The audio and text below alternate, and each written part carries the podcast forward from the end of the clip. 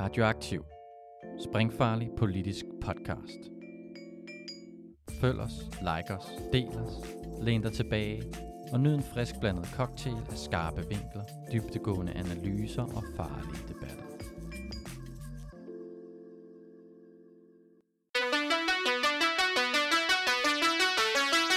Velkommen til Tro, Håb og Klassekamp, Radioaktivs teologiske podcast, hvor vi diskuterer kristendom, tro, teologi og politik fra venstre side af kirkebænken. Sidste gang der fik vi jo åbnet for en samtale om queer-teologi, hvor vi fik begyndt at belyse nogle spørgsmål om, at vi i dag har nogle meget, meget rigide forestillinger om køn og seksualitet, men hvis vi kigger til historien, så har det absolut ikke altid været tilfældet. Helt konkret gik vi ned i øh, beretningen i Bibelen om Jesus, der er til bryllup, hvor man aldrig får at vide, hvem det er, der bliver gift. Og så opdagede vi ligesom, at man i, tilbage i 8. århundrede og et par hundrede år frem, var fuldstændig enige om, man kunne freestyle over, hvem det nu var, Jesus skulle giftes med. For selvom teksten ikke fortæller os, at hvis bryllup det er, heller ikke at det er Jesus, så har man tænkt, at han må blive gift med nogen. Og en eller anden grund, så var der for over 1000 år siden rigtig mange forskellige mennesker, der, der tænkte, at han blev gift med en eller flere mænd. Og man kan sige, det udfordrer jo i hvert fald det her billede, vi tit har om kirken som dydens og den gode seksualmorals vogter.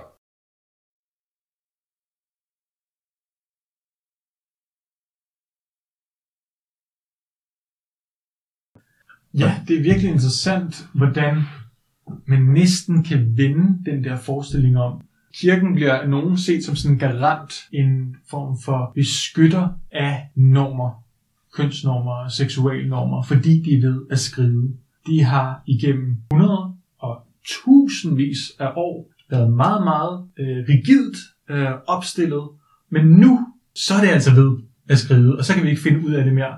Det er lige før, jeg har lyst til at vente den om. Altså, vi lever i en tid, hvor i de her idéer om, hvad en rigtig mand er, hvad en rigtig kvinde er, de fylder utrolig meget. Og ideen om, at der er nogle ting, man ikke gør, fordi det er umandigt, fylder på en måde, at man slet ikke kan sætte sig ind i den måde, f.eks. mænd i middelalderen havde det fuldstændig naturligt, eller okay med at kysse og kramme og vise kærtegn mod andre.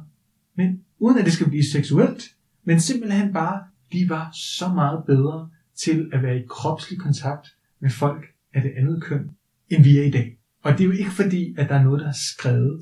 Det er næsten det modsatte. Vi er blevet så bange for at blive beskyldt for at være afvigende.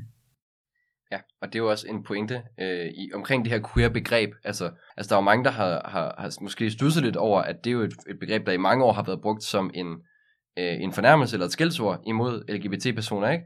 Altså særligt på engelsk med sådan en you goddamn queer, kunne man næsten høre sådan en lidt reaktionær og konservativ fyr fra sydstaterne sige, når han finder ud af, at, sin, at hans søn måske faktisk var en datter, eller var til mænd, eller på en eller anden måde, øh, eller havde lyst til at gå med nejlak eller høje hæler og, og skingrende hetero, det ved jeg ikke. Altså, bare var den mindste smule afvigende. Og en pointe, som mange queer-teoretikere, øh, Butler blandt andet, fører, er jo netop den her med, at grunden til, at queer som begreb kan noget, det er fordi, at næsten alle, der bliver introduceret for ideen om queer som noget, der er befriende, som noget, hvor man ikke bliver, man får ikke råbt, du er en forbandet queer, man siger, I'm here, I'm queer. At queer er noget, man kan tage på sig. Altså, der er det ekko, beskriver hun det som. Det er ekko af øh, skældsord, der ligger i baggrunden, og man fratager det sin magt ved at sige, det betyder ikke bare et skældsord, det betyder ikke bare, at du er forkert eller, for, eller, eller dårlig, det betyder, at du er noget andet.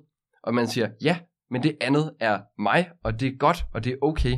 Og det synes jeg bare er øh, enormt interessant, at vi øh, for det første kan grave så langt tilbage, og kan spørge, altså, er, er vi sikre på, at de her normer, vi har i dag, de på nogen som helst måde er faldet ned fra himlen?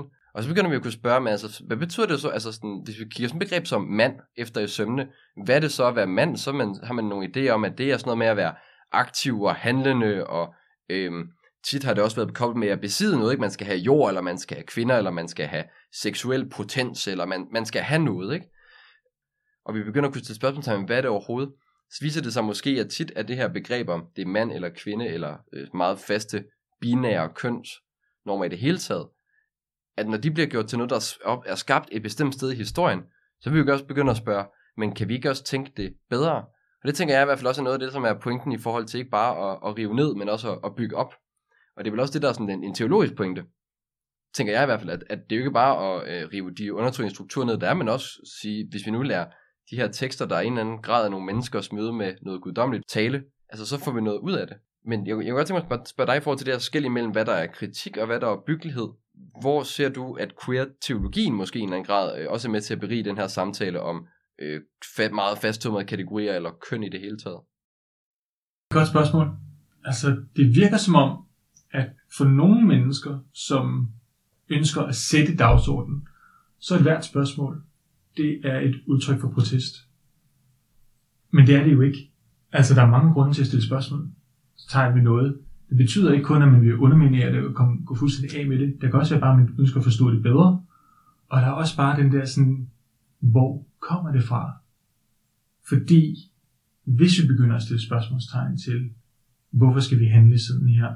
Eller så kommer vi hurtigt til, at sådan har det været et stykke tid. Okay, men hvem startede det?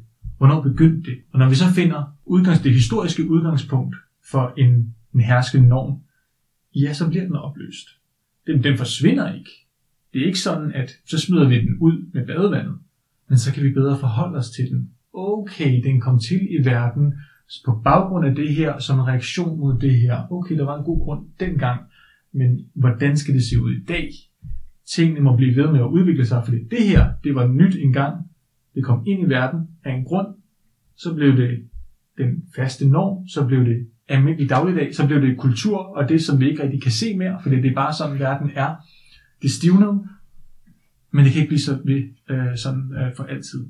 Øh, vi må, ligesom den oprindelige person, der indførte det her, øh, revolutionere det. Det er faktisk virkelig den ånd, der er blevet indført. At det, som i dag er konservativt, var engang revolutionært. Og i forhold til teologien, du snakkede om, at queer er et skældsord. Og det er det. Og der er en teologisk pointe i at beholde ordet. Fordi når du bruger skældsord om dig selv, så bliver det en kritik af den person, der har sagt det. Du siger, du kalder mig afvigende. Jeg er kun afvigende i forhold til de regler, du har lavet.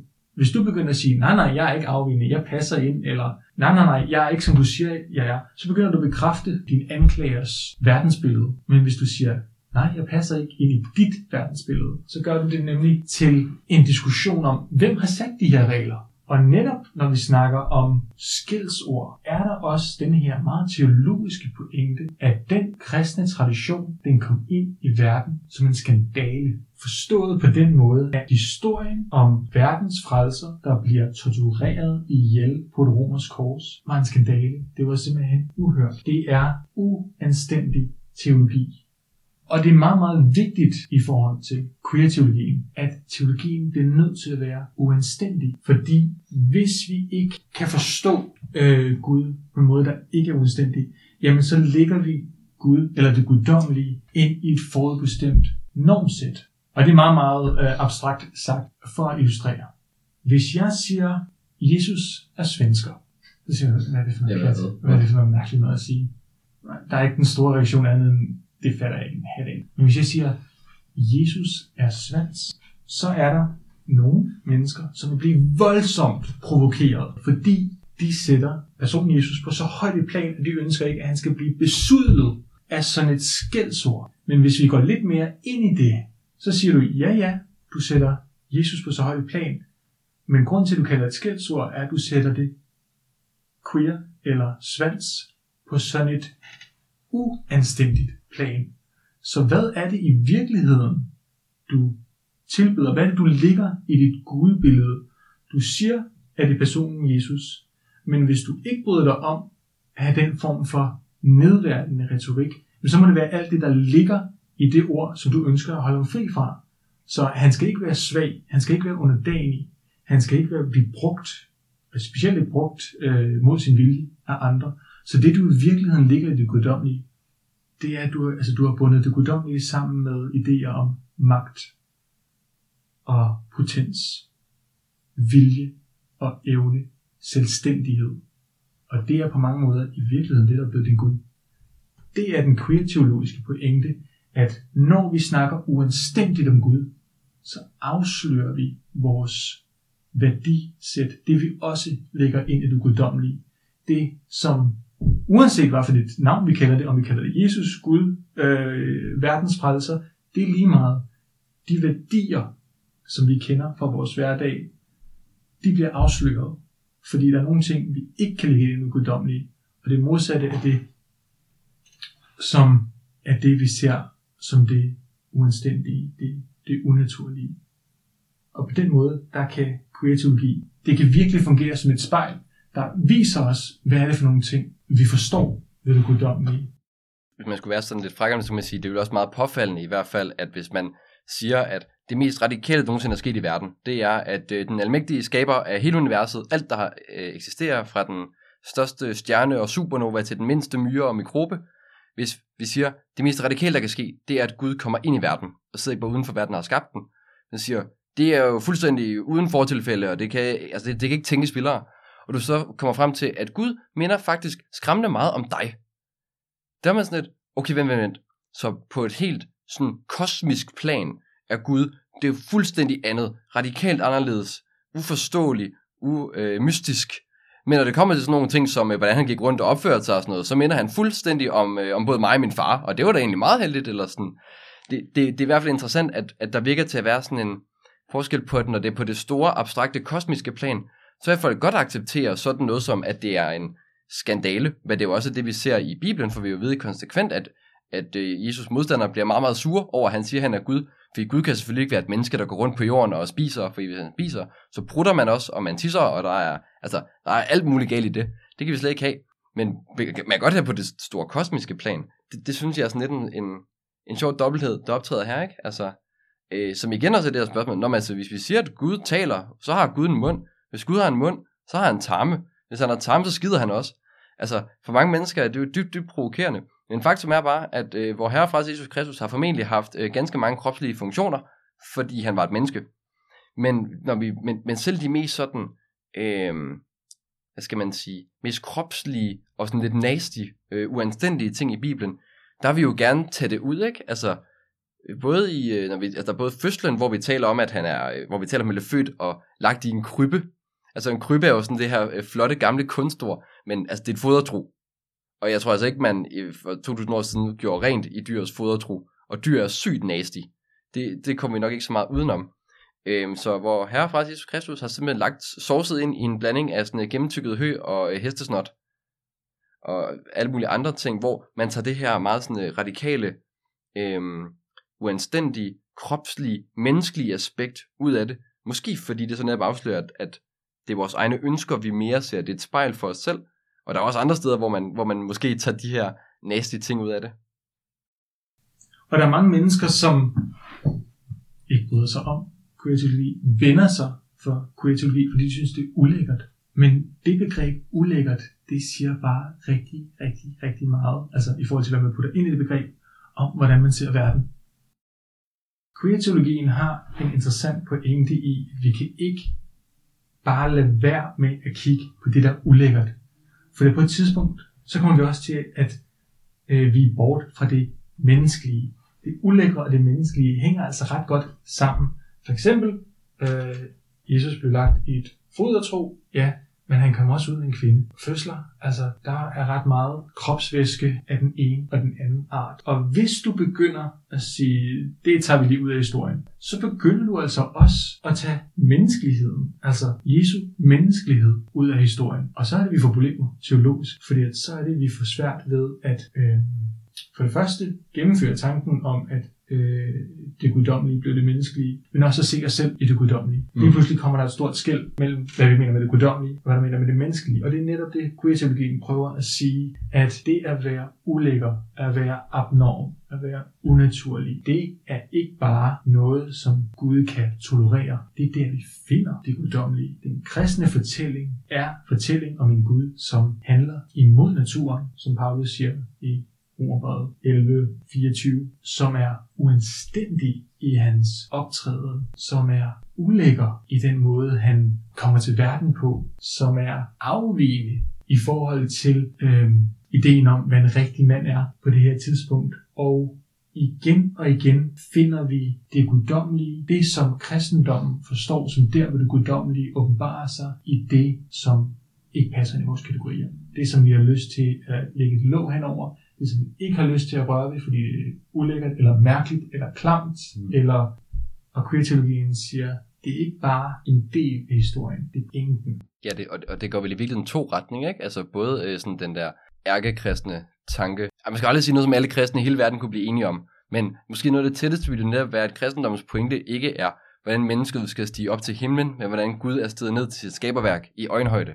Skal, skal jeg blive bare lidt dogmatisk, så har jeg lyst til at sige, at det, hvis kristendommen tilbyder noget særligt over, over en, en række andre religioner, så er det i hvert fald, hvor stærk den her fortælling om Guds vilje til at møde mennesket, hvor det er, findes. Og hvis man vil tage det alvorligt, så må man jo også både tage fat i, hvordan, øh, man må sige, dogmatisk, det må være sådan, vi forstår Gud, men også en kritik af, at kirken jo sjældent lever op til det ideal. Altså, jeg vil sige, hvem er det, der har udrenset? Hvem er det, der har... Altså, det er jo sådan som os, der har siddet og lavet bibeloversættelser, der ikke skriver øh, totalt næste fodertro. Måske heller ikke den bedste oversættelse, men den har i hvert fald rummer nogle aspekter, som man ikke får med ved det her øh, krybekunstord, eller i alle mulige andre fortællinger, hvor man både sådan sprogligt, men også i indholdsmæssigt, når man, hvis man går i kirke om søndagen, så får man ikke særlig meget Jesus af kød og blod. Så får man den her øh, enormt Guds, øh, enormt menneskefjerne forestilling, og i yderste fald er det jo også det, der er med til, at man kan bruge det til at udelukke nogle mennesker. Altså simpelthen sige, i vores kirkelige fællesskab er der kun plads til dem, der prøver at nærme sig det guddommelige, og prøver at lægge nogle af de her kropslige funktioner fra sig, eller øh, ikke være så seksuelle, eller glemme deres køn, men som for det første jo bliver en enorm privilegeret diskussion. Det er jo som bekendt markant lettere for sådan en som mig, der er øh, hvid, cis og hetero, og ikke skulle tænke over mit køn, end nogen, der på alle måder hver dag skal slås for retten til bare at have det køn og den seksualitet, de har, fordi omverdenen synes, det er uanstændigt. Ikke? Udover det privilegieblinde i det synspunkt, så er der så også helt spørgsmål om, er det ikke netop den kristne pointe, at øh, Jesus kom ikke til dem, der ikke har brug for hjælp, men kom til dem, der har allermest brug for hjælpen. Altså til de fattige i ånden, ikke? eller de fattige i det hele taget, som vi snakkede om i, i første afsnit. Øhm, og hvis man tager den bredere og ikke bare taler om, om fattigdom, som befrielsesteologien har gjort typisk, der er jo netop så plads til at tale om en myriade, hvorpå man kan være ekskluderet, udelukket, undertrykt, som kristendom, så de pludselig har noget at sige til, i stedet for bare at tilbyde Øh, øh, halleluja og øh, flotte kirkerum, men faktisk et fællesskab, som er stik modsat de fællesskaber, vi ellers er en del af, som vi måske faktisk ofte definerer ved dem, vi udelukker. Altså, øh, som typisk også er dem, der ikke passer ind i samfundets normer, ikke? Ja, det er virkelig interessant, hvordan du kører samtalen over til en, øh, det et spørgsmål om undertrykkelse. For jeg er fuldstændig enig. Vi har tit talt om undertrykkelse i mange øh, udformninger øh, omkring slaver, omkring kvindenormer. Men i forhold til magt, så er der den rent håndgribelige, øh, at jeg tager fat i dig og dominerer dig. Men den mere subtile og den mere omsaggribende er jo magten til at definere, hvad der er god smag.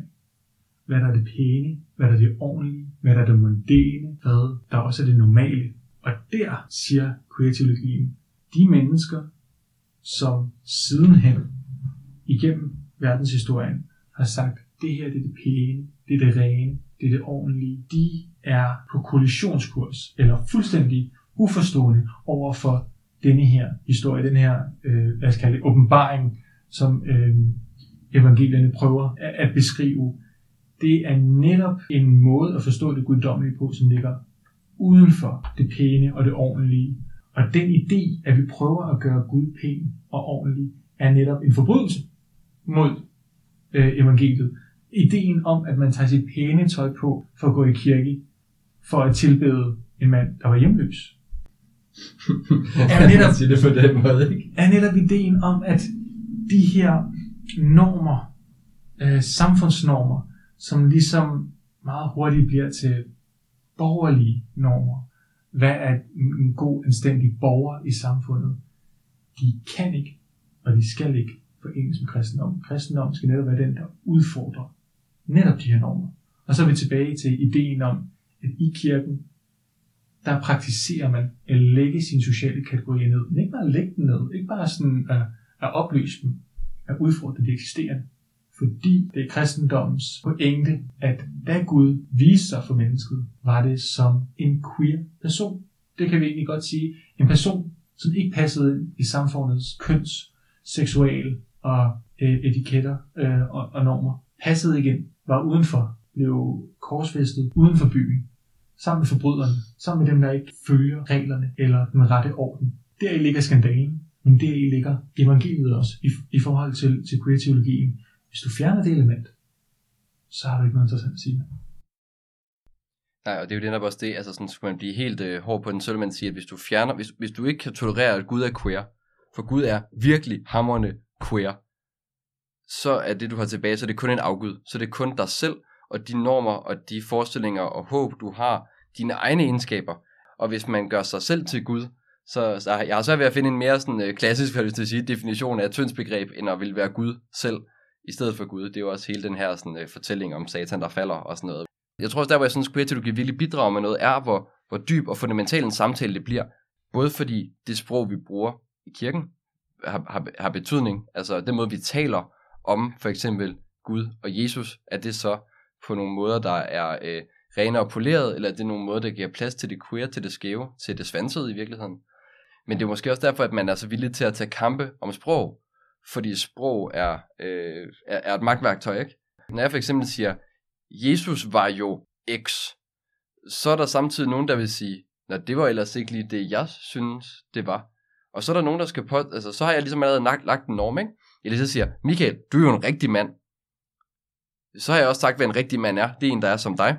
Så er det i hvert fald lidt som udelukker alle mulige andre mennesker. Og hvem har givet mig ret til at beslutte mig for, hvem det er? Så allerede der, når vi begynder at beskrive, så har vi også sagt, hvad det bør være. Ikke? Det går lynhurtigt fra er til bør. Og det er måske derfor, at queer-teologien også lidt modsætter sig og sige noget meget sådan hårdt om, hvad Gud er. For i det sekund, der får vi også en, øh, en Gud, der ikke rigtig længere er queer. Der hvor det her queer-begreb, det er sådan, det er flydende, det er plastisk, det er noget, man ligesom rigtig kan få greb om, og også noget, hvor en ligegyldigt hvad man tror, så skulle det gerne tilbyde noget nyt. Det er altid noget, der udfordrer, og noget, man ligesom ikke rigtig kan pådutte nogen. Så måske også det, der gør, at det kan være en svær samtale at have, at det ikke er sådan noget, der har så meget overbevisende magt, som vi også snakkede om. Altså det er så utrolig nemt at ignorere, eller bare misforstå, hvad queer-teologien prøver at sige. Fordi på et plan, der kører den på et øh, meget højt, abstrakt, akademisk, intellektuel plan, og på den anden side er det utroligt provokerende til den grænse, hvor man siger, at vi kan ikke have en ordentlig samtale, hvis ikke du bruger ordentlige ord. Ikke? Men det er netop pointen. I forhold til, hvordan queer-teologien sætter det guddommelige, øh, så kan vi ikke have en ordentlig samtale om Gud, uden at bruge uordentlige ord. Men øh, nu har vi snakket en del og puttet mange ord på queer-teologi, og måske i virkeligheden talt lidt mere rundt om det, end sådan øh, vores egentlige start med at prøve, og jeg, jeg starter med at spørge, hvad er queer-teologi egentlig? Og nu har vi øh, ramblet lidt, så jeg tænker, skal, skal vi prøve, om vi lige sådan kan opsummere og fortælle, hvad, hvad, hvad, hvad, hvad tager vi med os ud af det her, og hvad synes vi måske vores højt elskede lyttere skal, skal tage med? Vi kan sige til dem, at vi synes, de skal tage med, at queer har de her to forståelser, hvor hvis vi snakker om det første, jamen så er det en, en afvigende seksualitet, eller en afvigende køn, eller en eller anden form for seksual eller kønsnorm, som man ikke passer ind i. Og i forhold til teologi, så er der masser at tage fat på i Bibelen, i det nye testamente, hvor at det udfordrer vores idéer om, hvad der er rigtig mand, og hvad der er god seksuel praksis, og at det ikke bare udfordrer, men at det leger med sproget, og på den måde sætter det i parentes. Sådan så det ikke bliver de her absolute kategorier, men det bliver noget, man kan arbejde sig frem imod, tage op, lægge fra sig. Og ideen er faktisk, at kirken som det troende fællesskab netop er et fællesskab, der praktiserer at give afkald på deres sociale, seksuelle, kønslige markeringer og kategorier. Ja, når, når vi siger kirken her, så mener vi jo sådan, det, det, sådan, det, det er ideen om det kristne fællesskab som noget, der kan mere end sådan, er jo vi tænker ikke sådan en specifik kirke nødvendigvis. Det kunne være rart, hvis der fandtes sådan en kirke, men nej, det, det er ideen om, øh, hvad det betyder at være efterfølger af en person, der bliver hængt op på et kors, øh, som aldrig gifter sig, og som indstifter en helt ny familie, med sig selv som brudgom og alle os andre som brud. Helt sikkert. Jeg tror også, det jeg tager meget med, er, at altså, øh, jeg synes, man jeg synes, man tænker markant bedre. Altså, man bliver simpelthen klogere, når man ikke har sådan en idé om, at alt skal være et enten eller, vi skal tale i altså, binære øh, former, altså at noget er enten det ene eller det andet. Vi ikke bare skal tale at noget kan være enten maskulint eller feminint, men der er plads til at spørge, hvad er overhovedet det maskuline, Hvad er det feminine, Hvor starter og slutter det ene? Og hvis jeg har nogle meget fasttømrede kategorier om noget som helst i den her verden, så er det nok noget, som ja, der kommer et sted fra. Altså, så er det formentlig en norm eller noget, som vi kan spore historisk. Og så kan vi begynde at stille det stille og roligt spørgsmål. Kan vi gøre det på en bedre måde? Er der faktisk folk, der bliver gladere, hvis øh, der nu ikke er behov for at sige, at en rigtig mand er sådan en, der gør A, B og C? Eller mås- og måske kan vi sige, at det er overhovedet interessant at spørge, hvad er en rigtig mand? Altså, kan vi, kan vi simpelthen opløse nogle af de her spørgsmål, som tydeligvis volder folk enormt mange problemer og skaber enormt meget lidelse ude i verden? Fordi for mig at se, så er der enormt mange, der falder i en fælde. Det var også noget af det, som jeg, det tror jeg, vi alle sammen gør i en eller anden grad. Det kommer jeg jo faktisk også lidt til, i at, at man så gerne vil have øh, teksten, eller livet, eller et eller andet, man fortolker, til at sige noget bestemt, fordi er nogle kasser, der passer til det, man selv vil. Og hvis det er det, man finder, når man går ud for at, at finde noget nyt, noget radikalt, noget anderledes, noget, der kan udfordre eller berige en, så går man jo galt i byen, hvis man bare finder en, øh, sådan en, et, et spejlbillede af sig selv. Så, så jeg tror enormt, det jeg synes, man skal tage med, er netop, at kristendom behøver ikke være et reaktionært eller fasttømret koncept, men netop en, er i queer-teologien, så er der en mulighed for at tænke øh, ikke binært, men i forhandlinger, moskéer, frem og tilbage forhandling, og at hvis kristendommen ikke er queer, så siger den formentlig ikke noget særligt spændende. Hvis den passer ind i vores normale hverdag, så er det os, der har tilpasset den til vores hverdag. Mm. Og ikke fordi vi lever et liv, der svarer til traditionen. Traditionen er mærkelig. Historien om den korsfæstede er skandaløs. Og det kan bare ikke passe ind i pæne kategorier. Og jeg tror, at en af de ting, som jeg gerne vil have, at vores lyttere tog med, det var ideen om, at en kristne overbevisning er uanstændig. Det passede ikke ind i normerne dengang, passede ikke i normerne siden, passer ikke i normerne i dag, fordi det netop er ideen om, at Gud viser sig i det uanstændige, i det, som er blevet kaldt udenfor, som ikke får lov til at være med hos de øh, seje mennesker, hos dem, som sidder øh, med magten, dem, som er på toppen, dem, som beslutter sig for, øh, hvad der er god stil. Der bliver det guddommelige ikke åbenbaret, men i det, som er det modsatte, det som er bunden, det lave, det til tider ulækre, det uanstændige, det queer. Man fristes jo næsten til at sige, amen. Men okay, så har vi fået sagt forhåbentlig noget relativt begavet om, hvad queer-teologi er. Og de sidste mange gange, der har vi jo sådan prøvet at øh, tease, hvad det er, vi skal lave som det næste. Men nu har vi vel efterhånden været rundt om, sådan, hvad vi har lyst til at kalde øh, progressiv teologisk grundkursus. Vi har snakket om religionskritik og befrielsesteologi, vi har snakket om feminisme, og vi har snakket queer. Så skal, altså, skal vi, hvis vi siger, at en vigtig pointe fra queer-teologien er, at vi skal lade os udfordre, og vi skal komme, der skal komme noget, der ikke bare er det, vi selv har, men noget nyt. Skal, skal vi så ikke øh, lægge den op til, til de søde mennesker, der faktisk gider lytte på os en gang imellem, og sige, hvad har de lyst til at høre? Jo, vi har jo snakket meget om den, som ønsker at sætte dagsordenen for andre. Og det har vi gjort indtil videre. Men nu er det jo måske på tide, at andre stemmer kommer til. Så lad os høre, hvad I ønsker, at vi skal snakke om, og hvad der skal blive taget op i det her program. Giv os nogle emner, giv os noget input, og så kan det være, at vi tager det op en anden gang. Ja, og øh, så som altid, så øh, del det på Facebook, eller med nogen, der skulle høre det. Vi, øh, og måske spørge nogen, der har et eller andet, de gerne vil have besvaret, om det er et bibeltekst, vi skal gå ned i, eller et særligt emne, eller et spørgsmål, eller øh, noget helt tredje, eller fjerde, eller femte. Jeg tror, vi er leveringsdygtige i nogenlunde alting. Om det så bliver begavet, det må så være op til jer bedømme. Vi kan i hvert fald altid diskutere det. Frem og tilbage til forhandling. Vi kan tage det op, og så kan vi se, hvor vi ender hen. Tusind tak til alle jer, der gad at lytte med. Og som altid, så lyttes vi ved. På genhør.